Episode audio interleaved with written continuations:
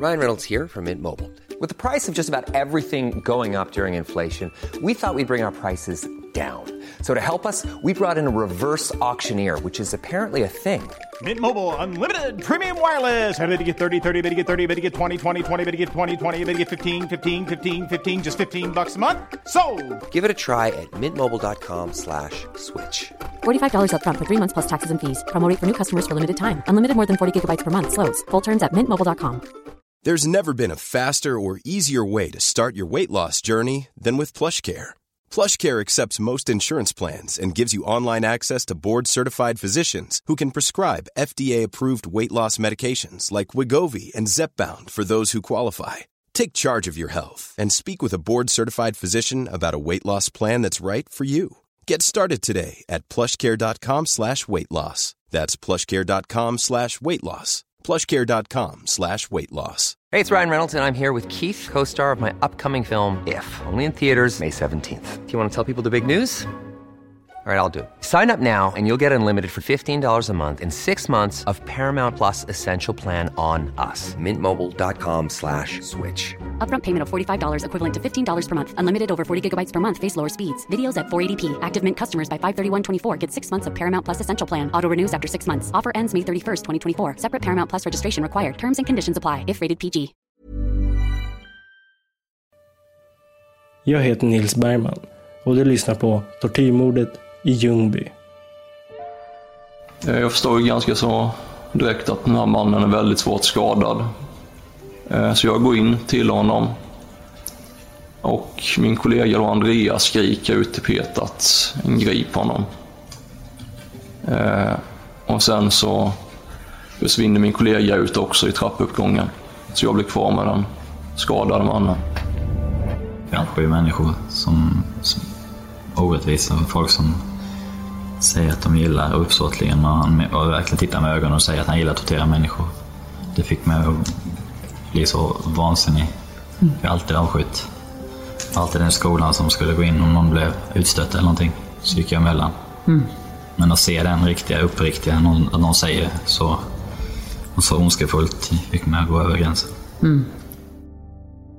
Den 21 november 2015 träffas ett par kompisar i en lägenhet i Ljungby utanför Växjö för att spela musik och dricka alkohol. Senare under natten störs grannarna i lägenhetsbyggnaden av att de hör skrik och ett ihärdigt dunkande och ringer till slut polisen. Och när polisen senare anländer till lägenheten möter de i hallen en mycket förvirrad gärningsman. När de kliver in ser de ett köksgolv helt täckt av blod. Och där ligger en person med så många olika skador på sin kropp att hans liv inte kommer gå att rädda. Eh, Misstanken gäller ju sannolika skäl misstänkt för mord och det är en ganska stark misstankegrad vilket betyder att vi har ett rätt bra utredningsläge i nuläget. Mm. Vad händer nu?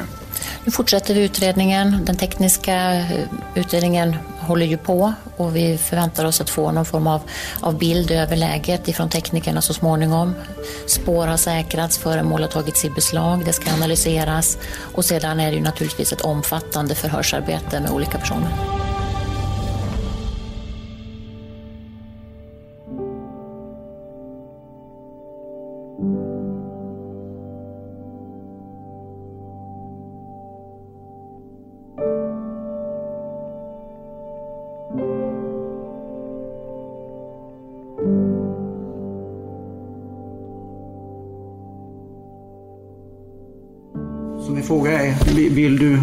Säga något själv eller vill du ha frågor? Ja, bara det, det sista tyckte jag var rätt så bra framlagt. Att eh, personen har visat eh, ja, tendenser tänk, på våld. Tänk på att vi kanske drog vissa delar under okej. sekretess. Ja, jag är beredd på det, men jag tycker att den här personen i alla fall... Nu, nu, och sen skulle vi prata om, inte slutsatser så, utan det var det så att säga förhör med dig om den aktuella händelsen. Jag tror vi gör så att åklagaren får inleda med frågor till dig. här. Vi har Fredrik.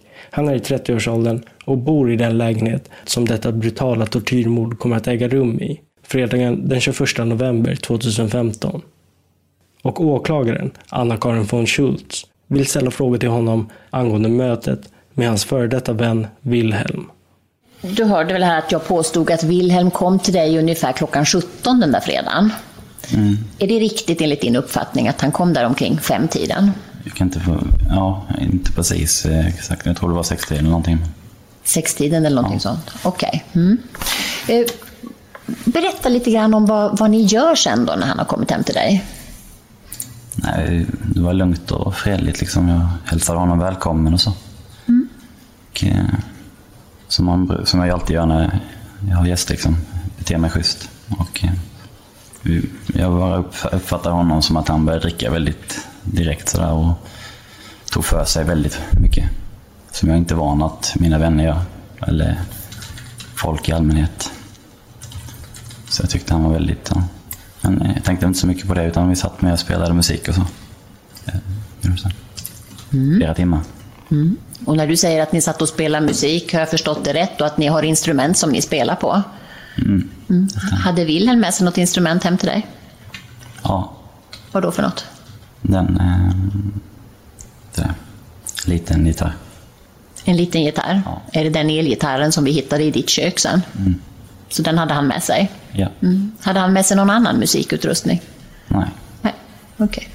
Så då spelar ni lite? Ja. Ja. Mm. Var är ni då någonstans när ni spelar gitarr? I soffan. I soffan? Mm. Vad gjorde ni sen då? Eh, vi spelade väldigt länge för mig. Så. Var några timmar.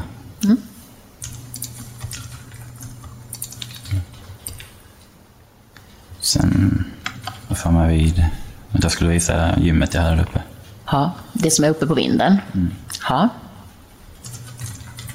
Och eh, det var inte så mycket med det. Visst, det var det väl en liten stund bara. ja. Men det var då han var väldigt angelägen om att eh, börja visa lite kampsportsgrepp och saker. Okej, så det där med kampsportsgrepp, var det något som hände uppe, uppe på gymmet eller i det här Ja, han träningsrummet? började nämna det i alla fall. Ja. Mm. Mm. Använde ni något redskap där uppe? Jag tänker, tränade ni en liten stund eller vad gjorde ni? Nej, det var inget. Jag bara, jag bara granskade. Förlåt, vad sa du? Jag bara granskade. Han, eller han tittade lite. Granskade och så började han prata om kampsportsgrepp. Mm. Mm. Och vad gjorde ni sen? Jag gick ner igen. Ja, Så, så att, ner till han- dig. Mm, Och vad hände då? då? nej. Han var väldigt... Han skulle vilja fortsätta visa. Angelägen om att visa det. Grepp och sånt. Och, även eh, några grepp som han hade lärt sig i det militära. Så han, så, Ja. Så han var angelägen om att visa grepp, grepp ifrån det militära. Sa han att han hade varit i det militära? ja, ett antal gånger. Ja, ja. okej. Mm. Trodde du på det då? Jag hade ingen anledning att inte tro honom. Nej. Mm. Du säger att han, han ville visa grepp, men gjorde han det också? Visade han några grepp? Ja, Ja. Var är ni då någonstans då när han visar grepp? ja jag tror jag vid so- soffan. När Wilhelm ville visa grepp, visade han grepp på dig då eller? Ja, så betyder det Fredrik att ni båda två finns där på golvytan innan, liksom vid köket? Och så visar han Det är grepp på dig? det är tidigare skede. Ja. Lite mycket tidigare skede. Ja, Eh, Men det går ihop väldigt mycket, alla Ja. minnen därifrån. Men ja. Men har Wilhelm visat grepp på dig på den här golvytan innan köket? jag tror jag tror det. Mm. Visade du några grepp på honom då? Inte jag kommer ihåg. Nej. Nej. Och det här med visa grepp, är det någonting som ni gör efter att ni har kommit ner från vinden? Eller är det tidigare innan ni går upp till vinden? Efter vad jag kommer ihåg. Efter vinden. Så ni är uppe och kollar träningsgrejerna på vinden, kommer ner och så börjar han visa grepp på dig. Mm. Men du ville inte det sa du. Vad gjorde du då? då? Nej, jag sa vi kunde sätta oss och ta det lite lugnt istället. Och Ja. kan Gjorde spela musik eller något. Och, ja. Gjorde ni det då? Och gick och satte er? ja, Ja. Vart satte ni er då? i soffan. Båda två? Mm. Och vad hände där då? Nej, jag, sö- jag försöker fortfarande prata om så att det är lite gladare stämning helt enkelt. Försöker leta upp det. Men eh, han gör konstiga ljud och, och mor- morrar liksom. Jag, jag kan inte... Demoniska ljud. Ja. Och det, det har jag inte hört. Eller Så det var väldigt... Från att han hade varit en väldigt, i mina ögon, bra person. Mm. Till att framstå som en mindre god person. Okej. Mm. Så när ni har satt er i soffan, är det då som han, han blir då som en mindre bra person och gör de här konstiga demoniska ljuden? Mm, absolut. Ja, har du hört de ljuden tidigare under kvällen? Nix. Inte heller när ni har stått uppe och han har visat grepp på golvet? Nej. Nej. Så det är det först i soffan då som de här ljuden kommer? Ja. Ja, men säger han någonting eller låter han bara? Han yrar en massa saker också. Om att, vad är mitt barn bland annat, säger han flera gånger. Var är mitt barn? Ja, förstår du vad han menar med det? Nej. Nej. Nej. Säger han något mer? Nej. Nej. När de sitter där i soffan i Fredriks vardagsrum menar Fredrik att Wilhelm plötsligt börjar agera konstigt och yrar saker som “Var är mitt barn?” Vi vet inte exakt när i tiden detta sker, men vi hoppar nu fram några timmar i tiden, till senare på natten. Saker och ting i lägenheten kommer som sagt att börja spåra ur och vi hör grannen Martin berätta om vad han och hans sambo upplevde denna natt. Kan du berätta för oss om eh, störningar under dygnet där fredag natten till lördagen den 20-21 november? Eh, vi hade haft vänner över och eh, sen så gick vi då, ja, en vanlig fredagkväll och så gick vi och la oss. Eh, låg och pratade eh, så som sig brukar göras innan man somnar. Och eh, rätt så snart vi har lagt oss där så börjar vi höra smällar i eh, betongväggen. Eh, och som säkert alla känner till i en betongvägg så, så låter det väldigt väl. Eh, smällar följt av lite pauser och sen så kommer det smällar igen. Eh, detta kan varit runt 12, kvart i 12 tiden så. Och sen eh, tänkte väl vi inte mer på det. Vi var rätt nyinflyttade också så vi ville inte störa alldeles för mycket utan vi låg och, och, och pratade om det här vad vi skulle göra. Eller så. Men eh, under den tiden fram till att vi bestämde oss eh, att gå ut då, så att säga så följs det av smällar men även ett eh, mycket hemskt eh, skrik, mansskrik så att säga. Eh, och eh, min sambo eh, beslutade sig att nej, nu går jag upp och säger till. Martins sambo Angelica får nog av oväsendet och dunkandet och bestämmer sig för att gå ut i trapphuset för att se vad som står på. Men Martin och Angelica är inte de enda i byggnaden som har hört detta dunkande. Och vi hör nu grannen Eva som tillsammans med sin man Birger bor i lägenheten bredvid Fredriks. Så din lägenhet gränsar vägg i vägg med Fredriks lägenhet? Ja, vårat eh, kök så att säga. Mm. Du, kan du berätta för oss om de störningar som jag har förstått att du upplevde från fredagen till lördagen den 20 till 21 november? Ja, klockan halv ett på natten eh, ämnade jag gå och lägga mig och eh, hörde ett bankande som gjorde att jag blev störd och icke kunde sova. Eh, varpå jag går ut i köket och säger till min man att vi får reka och kolla var eh, ljudet kommer ifrån. Jag går ner till konditoriet för han trodde kanske de hade börjat att göra degar där och jag går ner och ringer, eller går ut och ringer på Fredriks dörr och bankar på dörren. Men ingen öppnar. Mm. Okej. Okay. Tillbaka sen då och sa någonting om, om sin iakttagelse där vid konditoriet? Eh, jag kan inte svara på det.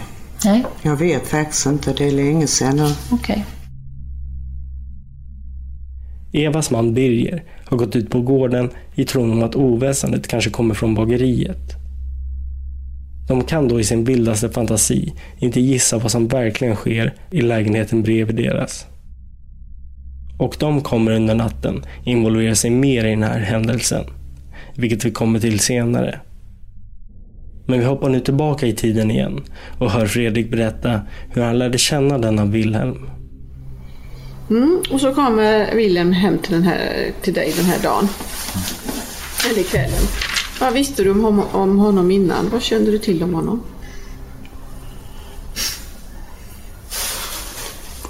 Bara att vi hade musikintresse ihop. Mm.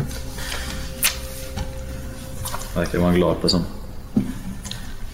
Jag var glad. Mm. Hur mycket hade du träffat honom innan? Tre gånger. Tre gånger? Och var hade ni träffats då? Jag var ute jag i Växjö centrum. Mm. var ute och tog, sommaren tog en öl bara. Mm. Det, det, är- jag, jag, förstår, det kan vara jobbigt men det är lite svårt att höra. Du får försöka tala lite högre. Vi tar, du sa att ni hade träffats tre gånger innan den här händelsen. Och så frågade jag då var ni hade träffats de här gångerna innan. Och då började du svara. Jag har bara träffats lite snabbt. Ja. Fick bra kontakt. Han verkade vara en schysst kille. Bra kontakt. Och så kom han hem till dig den här dagen. Mm. Och då satt ni och spelade och drack tillsammans. Flera timmar tror jag du sa. Mm. När var det, vet du ungefär vad klockan var när du tyckte att det började kännas obehagligt? 11-12 till. Sent eller? Sent. Mm. 11-12 tiden. Var det då ni var tillbaka nere i soffan så att säga? Och då är han sådär otrevlig säger du? Mm. Fredrik menar att Wilhelm där i soffan börjar bli otrevlig. Och vi kommer nu tillbaka till då Wilhelm ska ha börjat yra och bete sig märkligt. Sen yrar en massa saker också. Om att, vad är mitt barn bland annat säger han flera gånger. Var är mitt barn? Ja, förstår du vad han menar med det? Nej. Nej. Nej. Säger han något mer? Det är- Nej, men det är med att han ska göra mig illa och sånt. Säger han det? Ja. Hur, vad vad är det han säger i den delen då? Det är... Hur sa du? Ursäkta frågan. Ja, du säger, han, han säger att han ska göra dig illa. Mm. Och hur uttrycker han det? Vad är det han säger? Ja, om jag, om jag för det första skulle visa någonting av det han, eh, det minsta lilla, så ska han döda mig. Ja. Om inte han gör det så kommer någon annan göra det. Okej. Men förstår jag rätt att du uppfattar det som att om du avslöjar de där greppen som han har visat för dig så ska du dö? Och antingen ska han döda dig eller någon annan ska döda dig? Har du uppfattat rätt? Okej. Mm. Hur svarar du på det här då? Jag blir rädd och jag vet inte vad jag ska ta vägen liksom med kroppen. Sprider sig både Mm. ilska och liksom känner mig rädd. Ja. Jag, ska ta, jag, vet, inte jag ska göra liksom. Så blandade känslor hos dig, både ilska och rädsla. Och vad är det som gör dig arg? Inget rationellt kommer upp i mig i alla fall. Nej. Det som gör mig arg är att jag blivit hotad och kränkt i mitt eget hem. Mhm. Mm. Ett sätt som jag aldrig liksom, haft. Mm. Man har gett sig på mig. Jag har väl haft kompisar förut som någon gång har Nej. betett sig illa. Men det här var liksom droppen. Det var något riktigt. Mm. Från att jag har bjudit in honom och bjudit på fin whisky. Köper fina öl. Om det har något av värde liksom. Men ändå. Jag, han är min gäst liksom och jag har betett mig schysst mot honom. Mm. Visat sig vara riktigt ond person. På vilket sätt då menar du att, att han har kränkt dig i ditt hem? Nu när du har ju bjudit in honom på, på whisky och en trevlig kväll här. Nej, att han sitter och slickar, som han gjorde också sen. Började slicka på mig och kyssa, antasta. Liksom, och jag sa till honom upprepade gånger, han slutade inte. Mm. Så bara där var ju liksom uppsök till bråk. Mm. Mm. Gör han något mer fysiskt mot dig än det där att slicka i ansiktet? Ja, jag håller händerna runt mig lite, men jag tog det bara avfärdade väl lite. Ja. Det var precis som att han ville ha kontakt, men jag, jag förstod inte Hur upp- uppsåtet. Liksom. Mm. Men, men vad, hur uppfattade du honom? Vad ville han med det här? Att slicka på dig och ta på dig? Just då, just då tog jag det som förnedring bara. Att han liksom gjorde mig till åtlöje just då.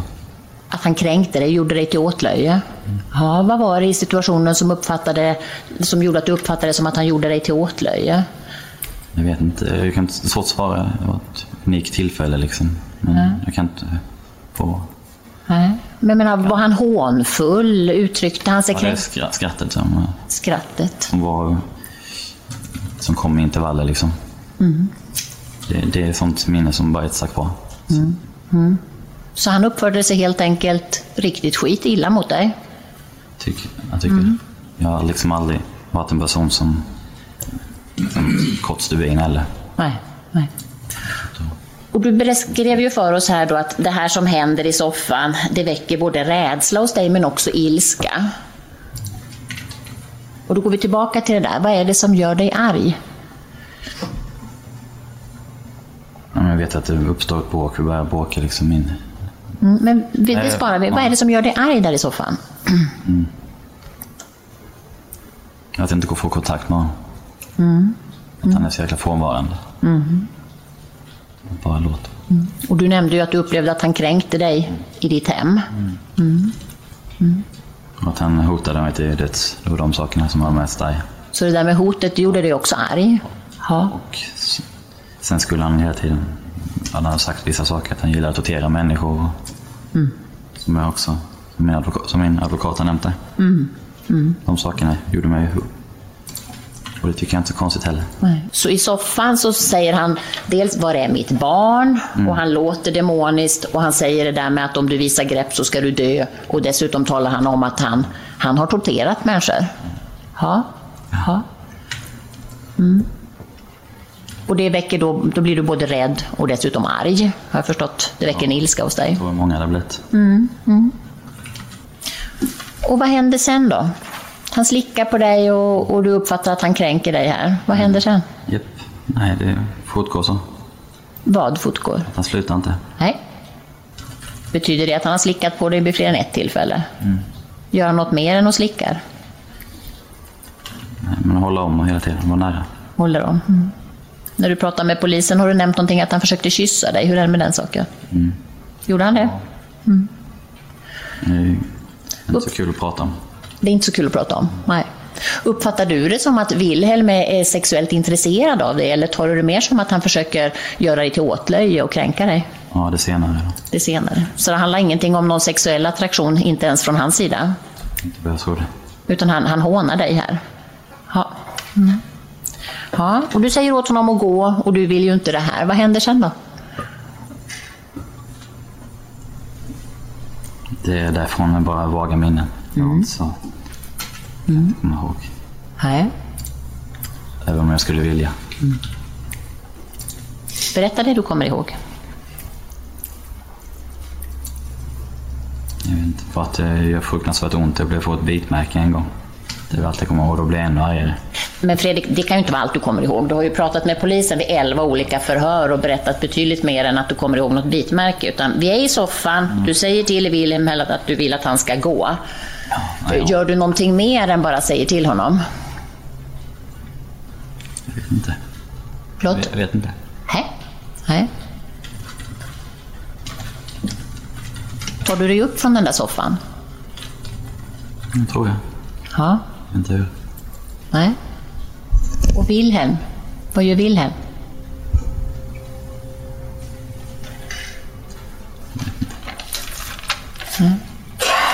Vi vet ju att någonting har hänt i köket. Kan du förklara för oss hur ni kommer från soffan till köket? Nej, det vet jag inte. Det är bara nattsvart där. Det är bara nattsvart? Ja. Ja. ja. Skulle vilja komma ihåg. Har du någon minnesbild från köket? Ingen alls? Nej. På, köket, på köksgolvet så är det fullt med jord och skärvor. Och i din sophink hittades det ju fullt med skärvor som ser ut som att det kommer från en blomkruka. Vad är det som har hänt med den där blomkrukan? Jag vet inte. Du vet inte? Nej. Har du använt någon skärva, keramikskärva?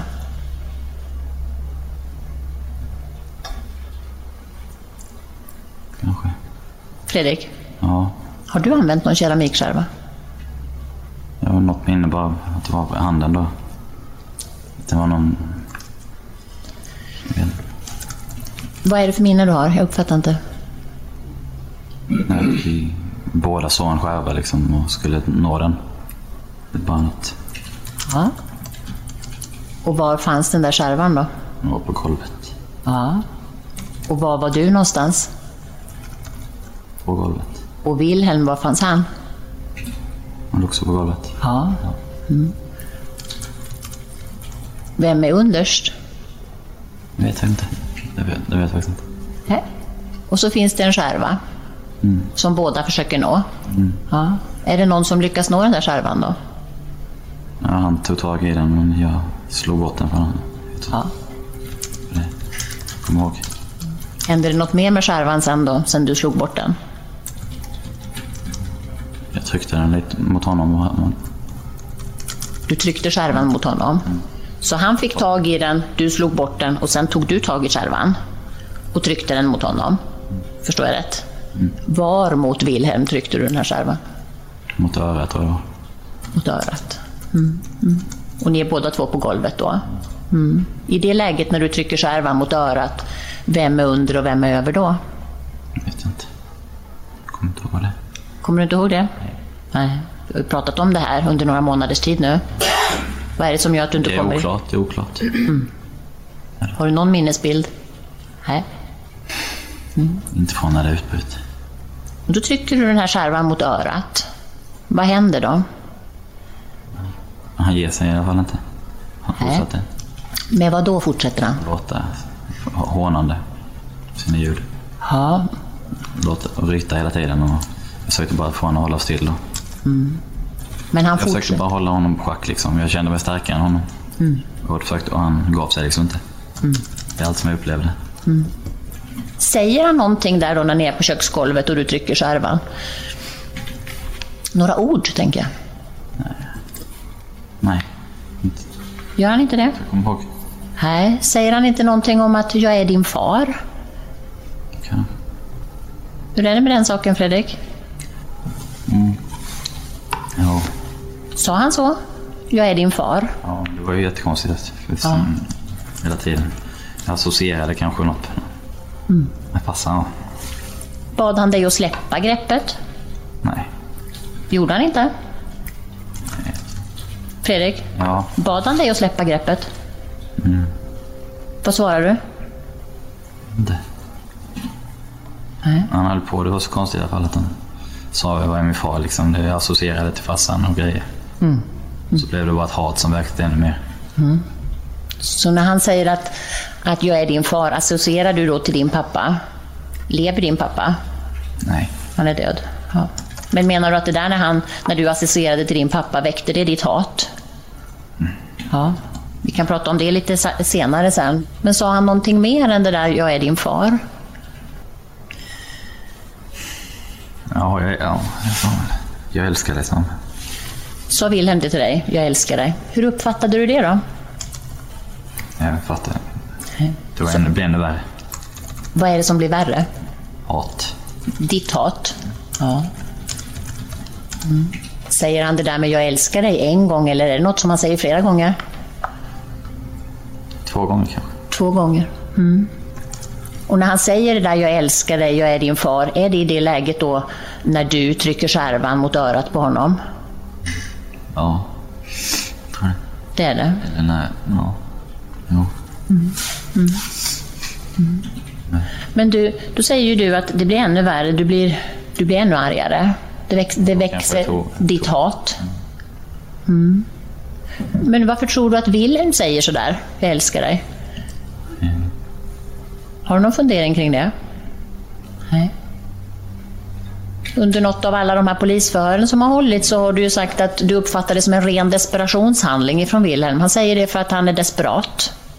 För att jag skulle skona honom kanske. Ja. Var det så du uppfattade det där och då? Att han säger så för att du ska skona honom? Nej, jag vet inte. Jag tror det mer som... Jag associerade det till det andra. Jag tänkte inte rationellt då. Nej, nej. Utan menar du det i efterhand som du tänker att han kanske säger det för att du skulle skona honom? Mm. Skonade du honom då? Nej. Nej. Vad hände istället?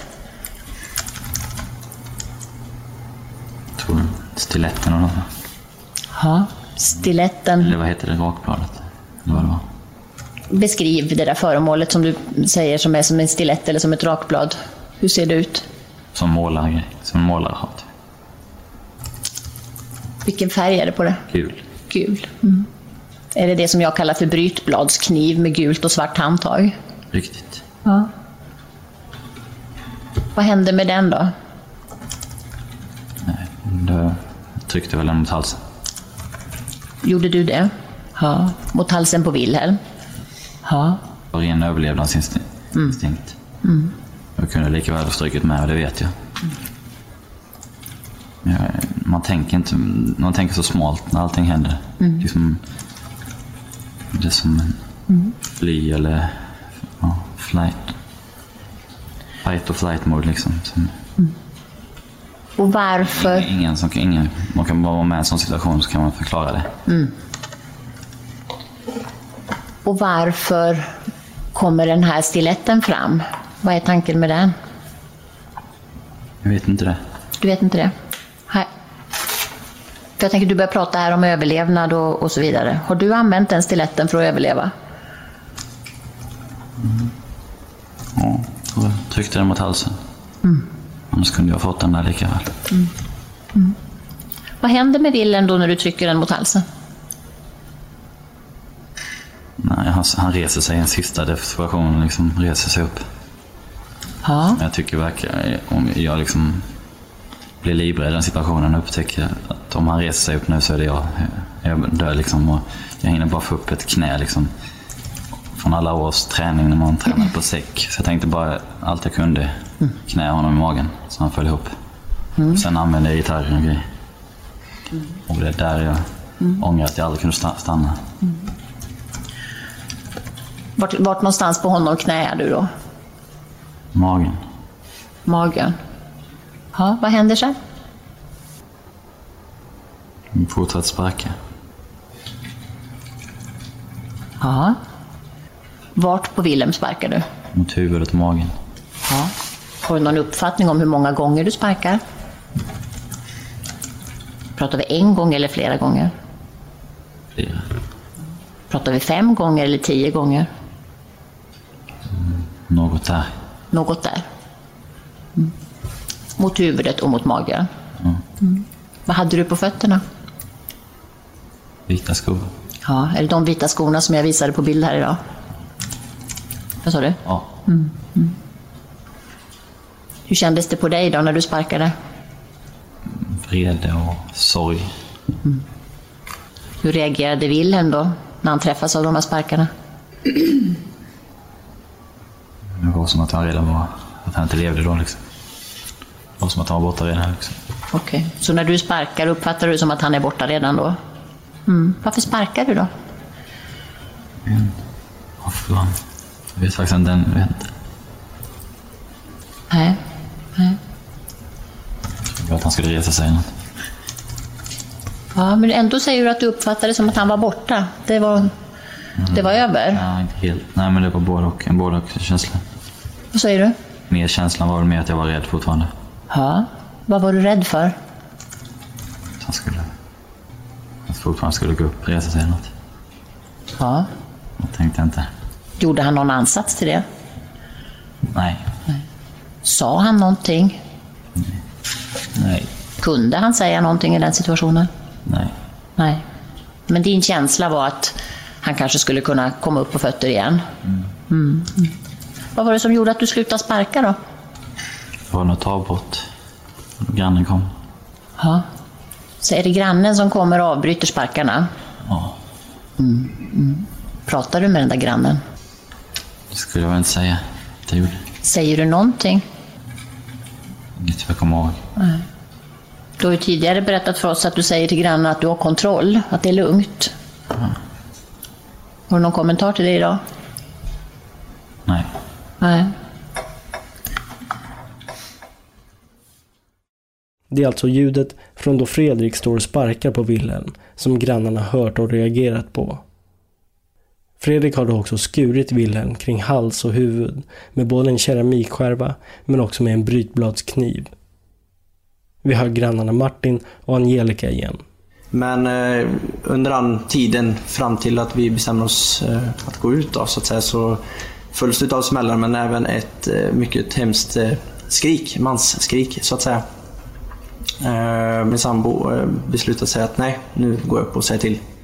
Så Angelica beslutar sig för att på natten gå och plinga på hos Fredrik. Så jag går ut själv för att han tyckte att vi eh, inte skulle lägga oss i för att vi var nyinflyttade. Så vi skulle ligga lågt. Ehm, Men jag blev lite upprörd för att jag inte kunde sova. Och då träffade jag två andra grannar, de som bor precis över.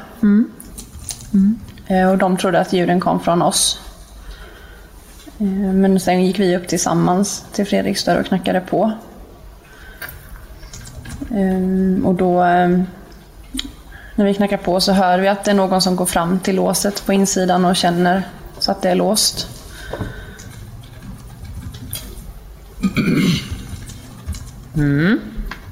Och sen går vi tillbaka. För då blev det lite lugnare. Och där möter Angelica Birger, som är tillbaka efter att ha varit nere vid bageriet och kollat om oväsendet hade kommit därifrån. Så gick vi upp igen. Då hade ju tydligen någon av dem varit och knackat på. När jag var ute då. Och då blev det visst tyst. Så då sa vi godnatt. Vi var det grannar då. Jag gick in till våra respektive då. Sen började det ju igen då. Jag kan inte säga exakt vad klockan var men.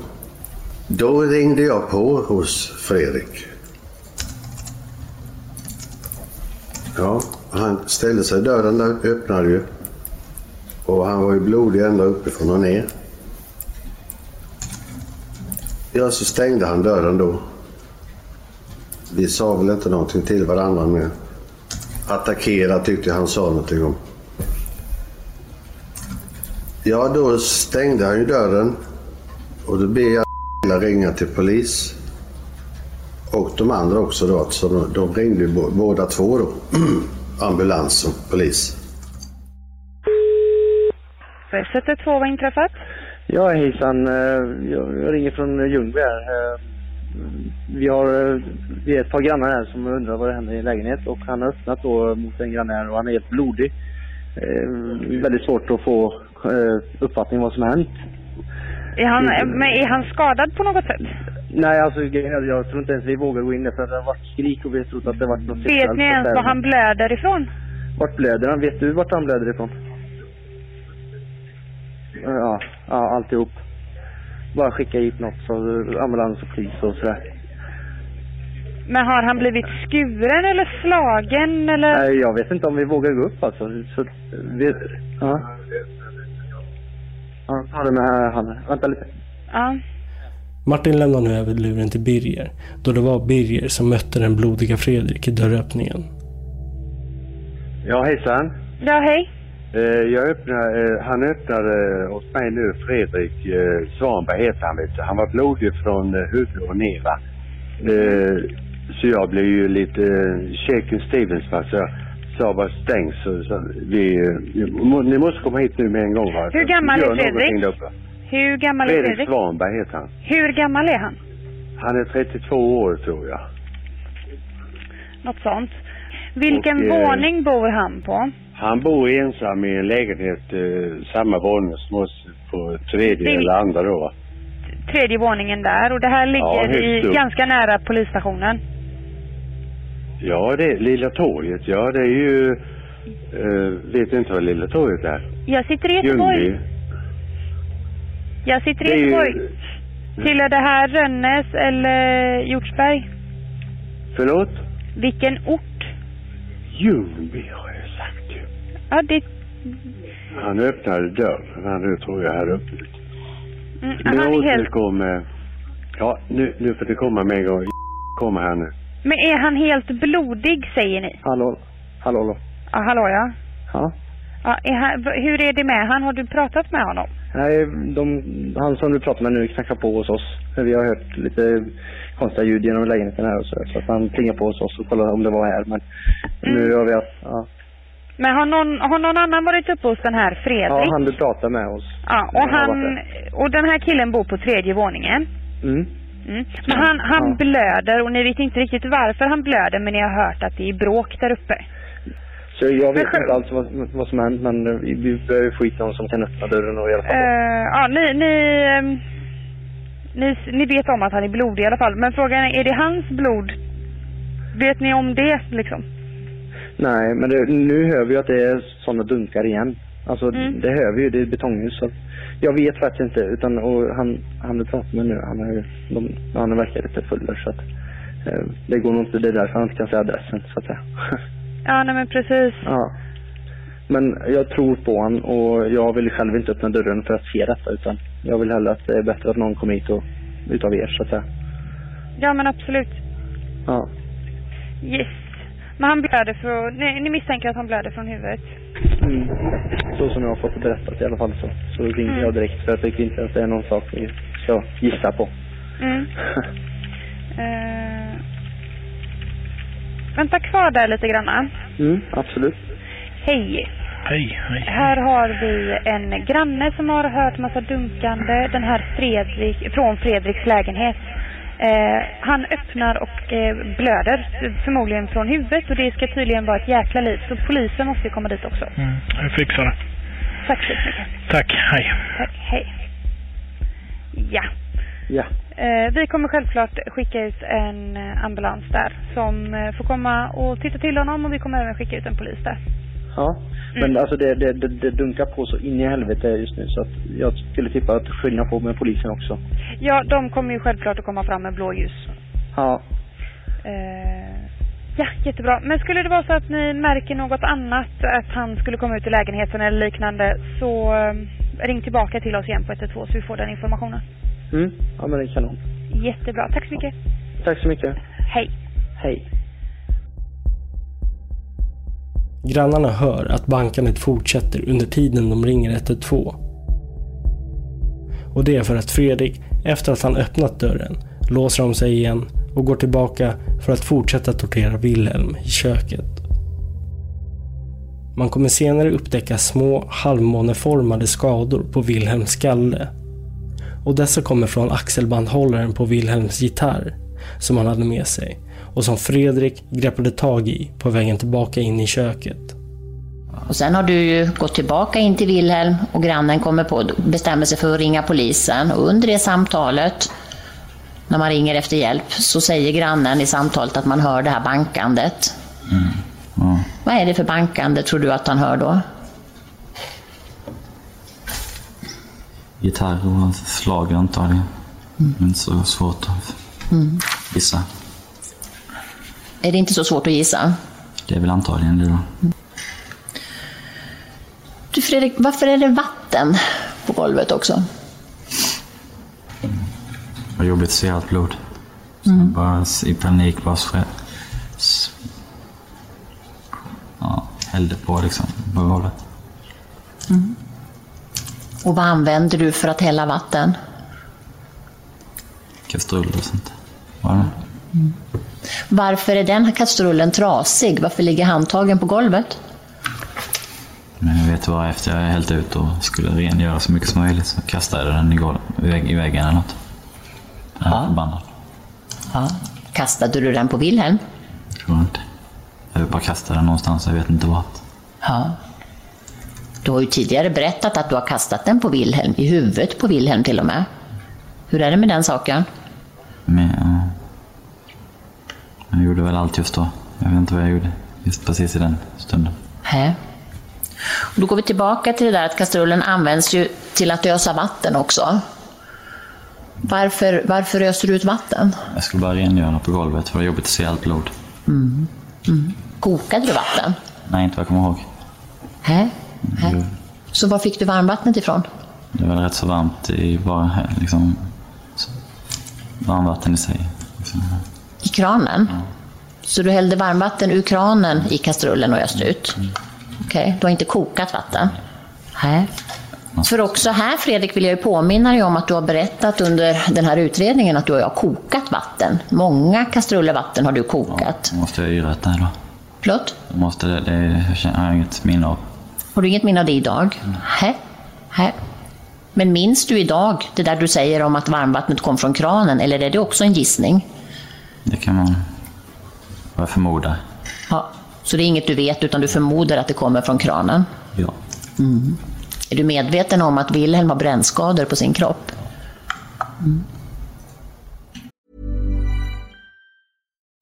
Life is full of what ifs. Some awesome, like what if AI could fold your laundry? And some, well, less awesome, like what if you have unexpected medical costs? United Healthcare can help get you covered with Health Protector Guard fixed indemnity insurance plans. They supplement your primary plan to help you manage out of pocket costs. No deductibles, no enrollment periods, and especially no more what ifs. Visit uh1.com to find the Health Protector Guard plan for you. Everyone knows therapy is great for solving problems, but getting therapy has its own problems too, like finding the right therapist, fitting into their schedule, and of course, the cost. Well, BetterHelp can solve those problems. It's totally online and built around your schedule. It's surprisingly affordable too. Connect with a credentialed therapist by phone, video, or online chat, all from the comfort of your home. Visit betterhelp.com to learn more and save 10% on your first month. That's BetterHelp, H E L P. Hey there, it's Michelle Norris. I'm host of a podcast called Your Mama's Kitchen. When I travel, I'm usually looking for a way to find a taste of home when I'm not at home. And one of the things I love to do when I am at home is entertain. And Airbnb allows me to do that. When I was in California recently, I rented a house that had a great kitchen. And when we were sitting around the table, we we're all thinking, we're in someone else's house. Someone could be in all of our homes as well. If you have a home, but you're not always at home, you have an Airbnb. Your home might be worth more than you think. Find out how much at airbnb.com/slash host.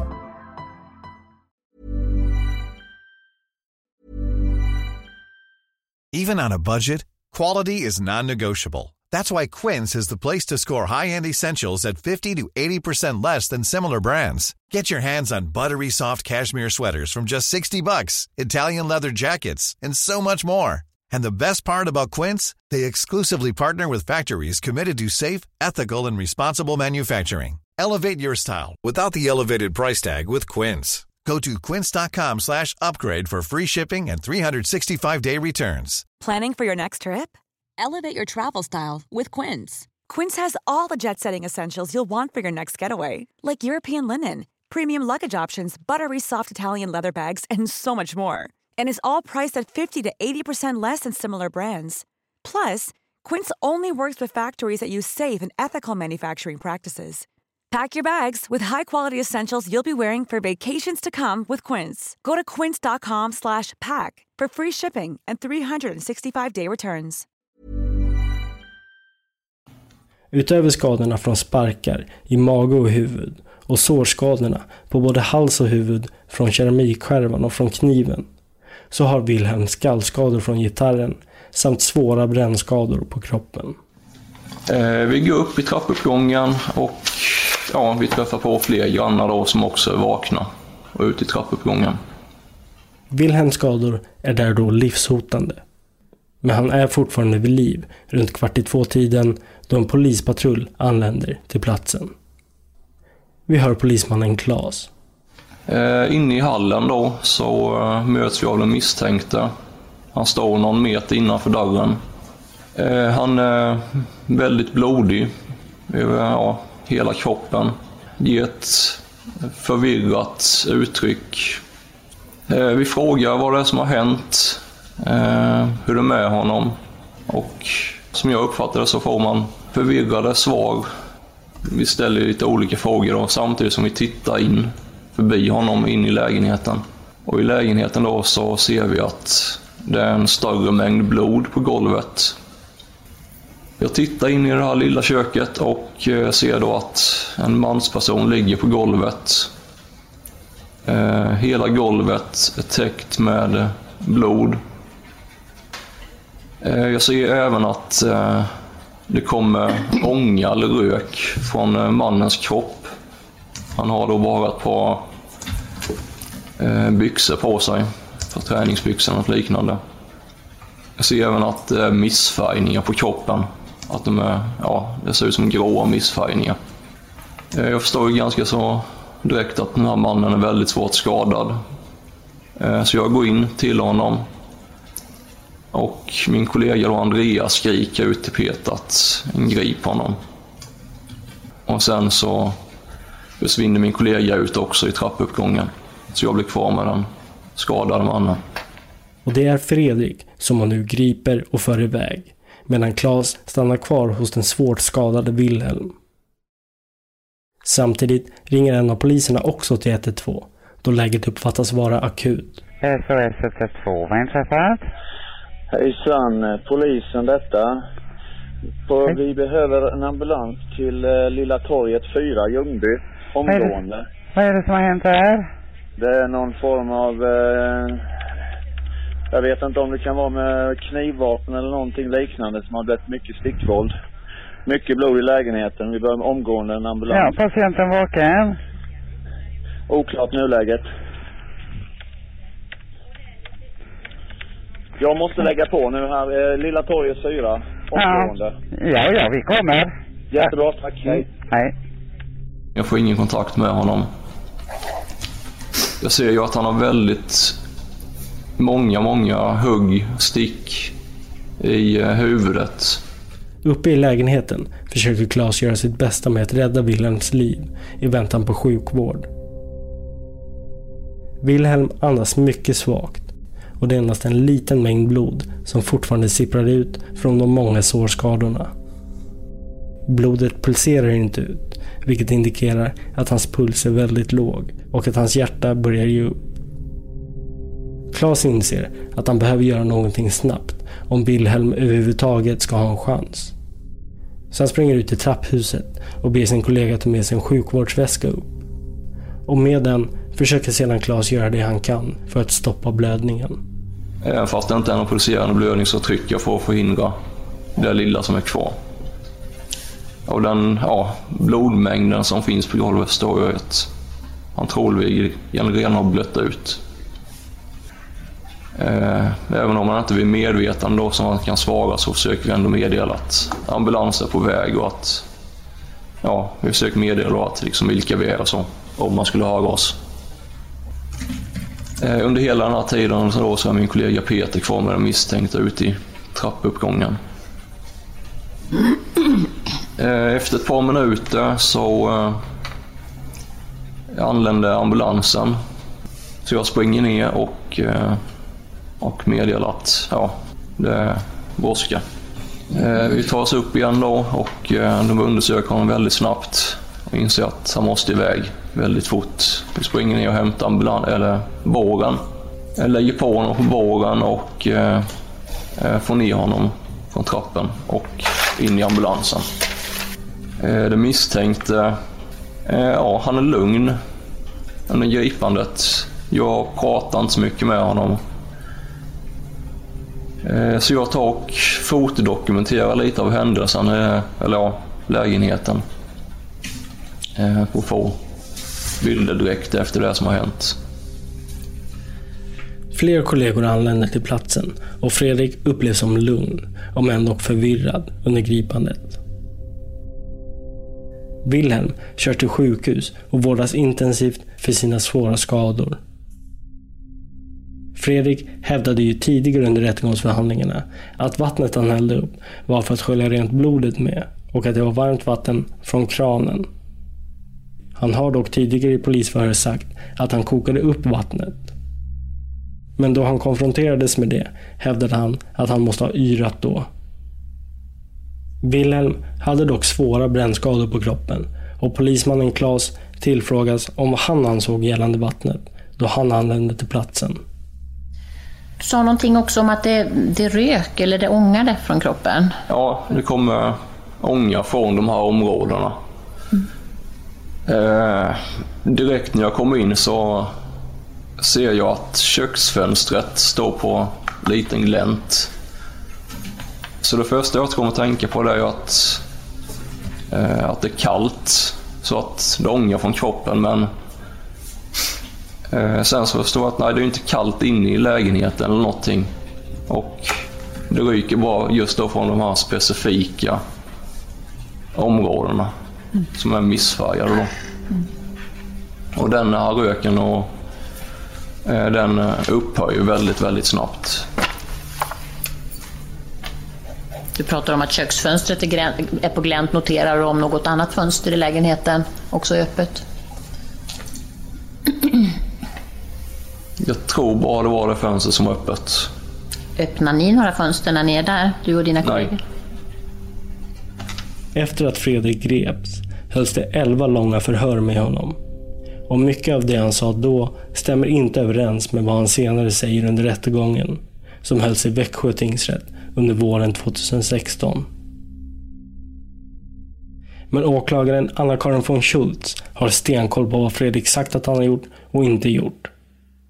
Hon har även stenkoll på mycket annat rörande Fredrik, såsom hans tidigare sökhistorik, vilket också blir besvärande för honom.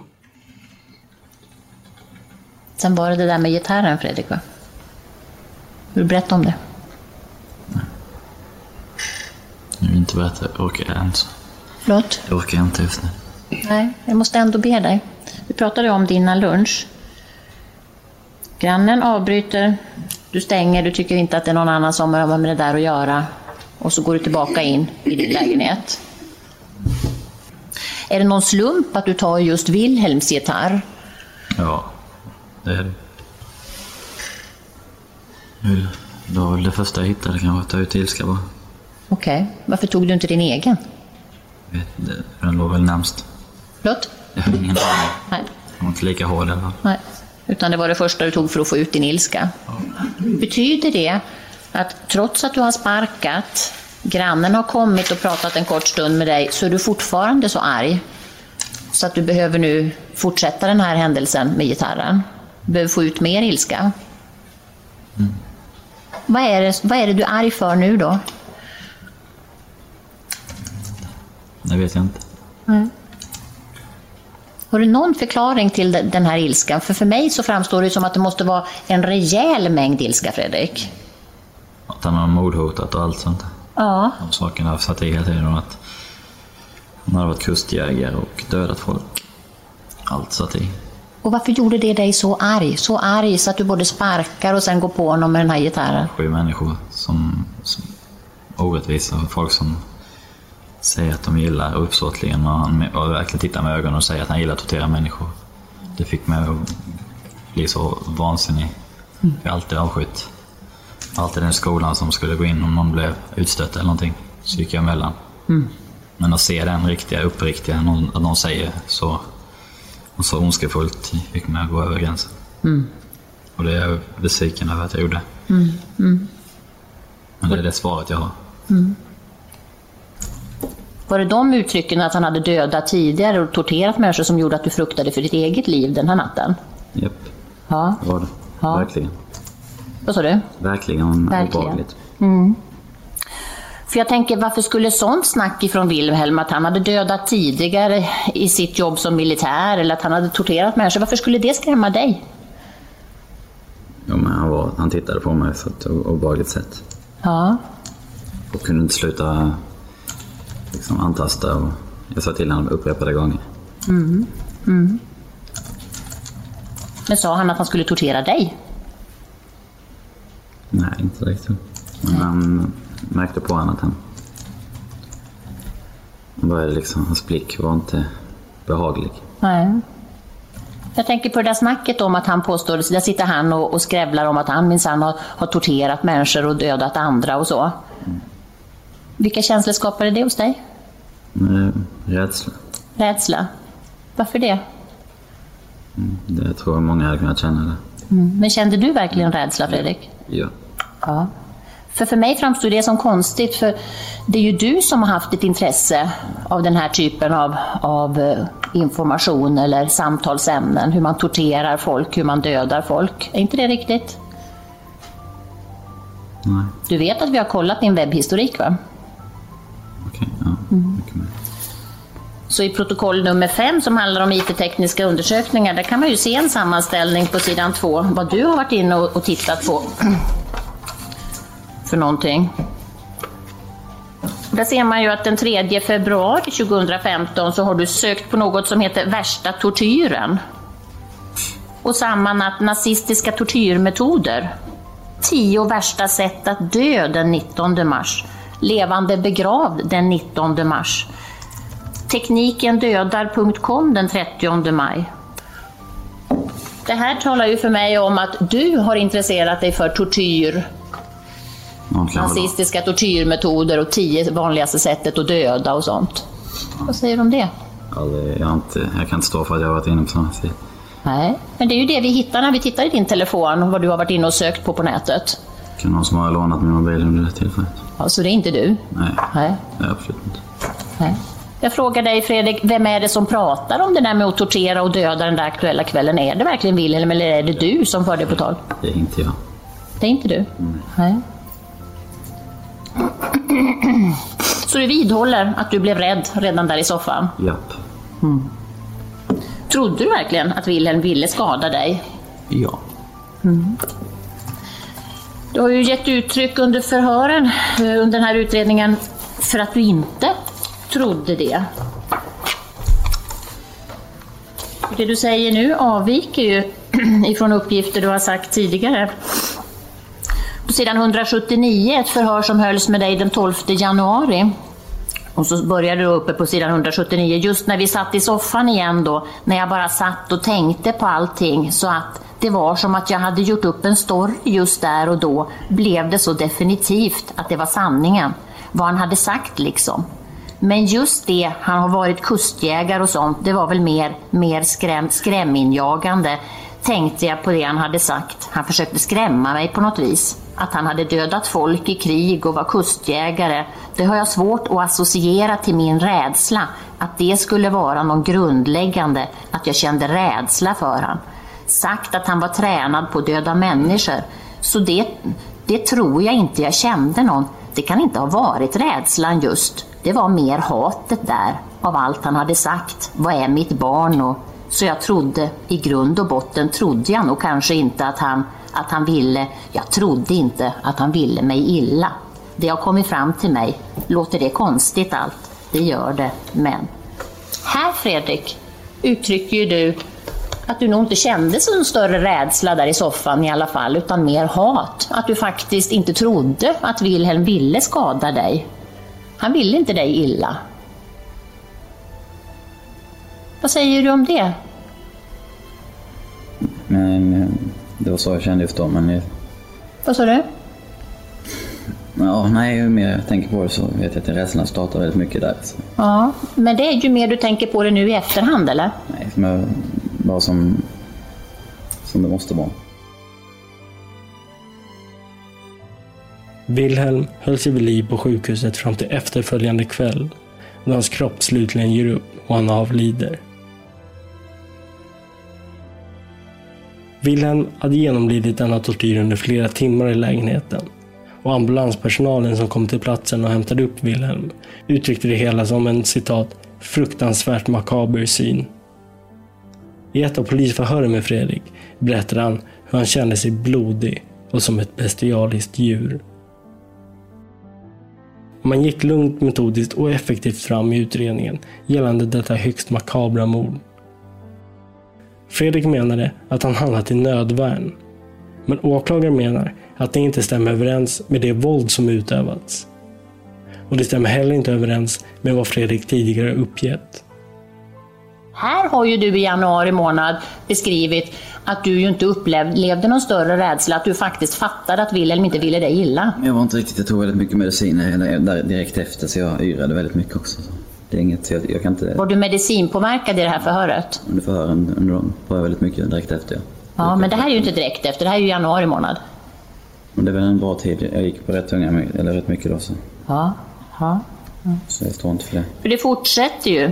Och det är ju det som känns jobbigt om jag inte vet att jag vet att man inte ville mig illa, så jag har gjort någon oskyldig, så jag har tagit livet av en oskyldig. Och det är jobbiga att veta. Att den jag ville skulle dö var ju farsan liksom. Är det också något som är yrande under påverkan av medicin? Jag tycker, jag tycker. Ja. På sidan 181 samma förhör så är du inne på, på något liknande. Det här är det stora, största stycket då, på sidan 181.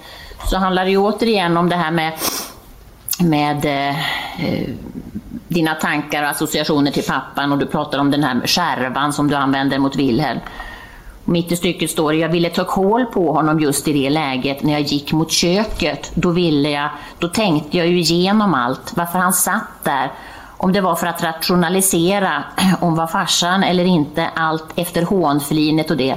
Så då ville jag bara ha in han i köket där och ville kanske att han skulle ge upp någonstans och känna sig att han skulle känna sig liten och rädd. Så som jag kände mig. Och han skulle känna sig förminskad efter allt han hade ont han har gjort mig, suttit och gjort mig rädd. Och, eller att förminska sig. Rädd var jag inte, men att han hade gjort mig så liten och förnedrat mig så skulle han få sona för, kände jag bara.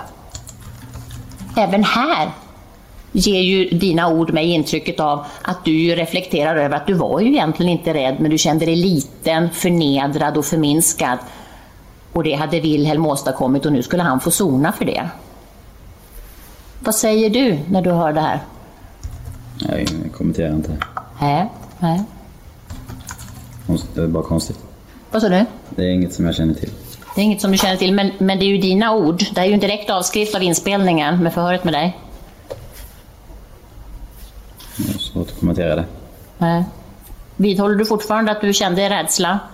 Trots att du i januari uttrycker någonting helt annat? Ja, jag har svårt att kommentera annat. Mm. Av det här sista stycket jag läser så får man ju intrycket av att du tvärt är väldigt målmedveten. Du vill ha in Wilhelm i köket. Och det är också någonting som finns i det största stycket på sidan 180 strax efter mitten. Där står det att du säger att du svingar in honom i köket. Där tänker jag liksom att det är där det ska ske. Liksom. Hade du någon avsikt att få in Wilhelm i just köket? Nej. Att det var där det skulle ske? Nej. Varför säger du det då i det där förhöret? Nej, för jag vet inte. Jag kan inte, jag kan inte relatera till det. Nej. Helt enkelt.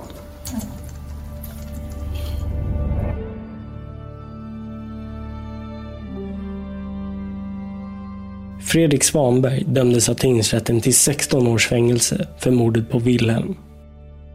Tingsrätten konstaterar i domen att Fredrik tycks ha varit medveten i sitt handlande och att händelseförloppet varit både utdraget och innehållit grovt våld.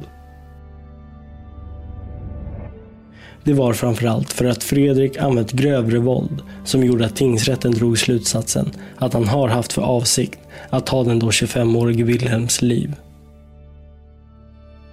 Fredrik genomgick en rättsmedicinsk undersökning och det konstaterades att han inte lider av någon allvarlig psykisk störning. Fredrik dömdes alltså till ett mildare straff än det livstidsstraff som åklagaren hade yrkat på. Fredrik själv stod dock fast vid att det hela handlade om nödvärn och yrkade på att sänka straffet, så han överklagade till hovrätten. Åklagaren överklagade också till hovrätten men yrkade på att straffet skulle skärpas. I hovrätten skärps straffet till 18 års fängelse för Fredrik. Man skriver i hovrättens dom att Fredrik under händelseförloppet utsatte Wilhelm för ett upprepat och kraftigt våld med flera olika tillhyggen. Förutom att Fredrik vid ett stort antal tillfällen stack och skar Wilhelm med en skärva respektive en kniv sparkade han även upprepade gånger mot Wilhelms huvud och kropp så kraftigt att Fredriks vrister tog skada. Och han utsatte också Wilhelm för kraftiga slag eller stötar med en gitarr som tillhygge. Någon gång under händelseförloppet hällde Fredrik även ut kokat vatten i det extremt begränsade utrymmet där Wilhelm låg på golvet.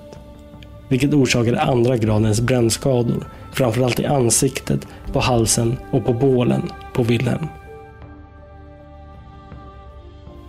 Våldet framstår som besinningslöst och har präglats av osedvanlig brutalitet. Det står klart att Fredrik har utsatt Wilhelm för kraftig smärta och svår dödsångest under det utdragna händelseförloppet. Att Wilhelm känt dödsångest framgår även av Fredriks egna uppgifter om att Wilhelm under händelseförloppet yttrade att han ville leva. Det är även försvårande att Fredrik, trots att han blev avbruten i sitt handlande, vilket skedde genom att grannar ringde på hans dörr vid två tillfällen under det långa händelseförloppet, inte besinnade sig, utan istället efter avbrotten återupptog dödsmisshandeln av den då fullständigt försvarslöse Wilhelm.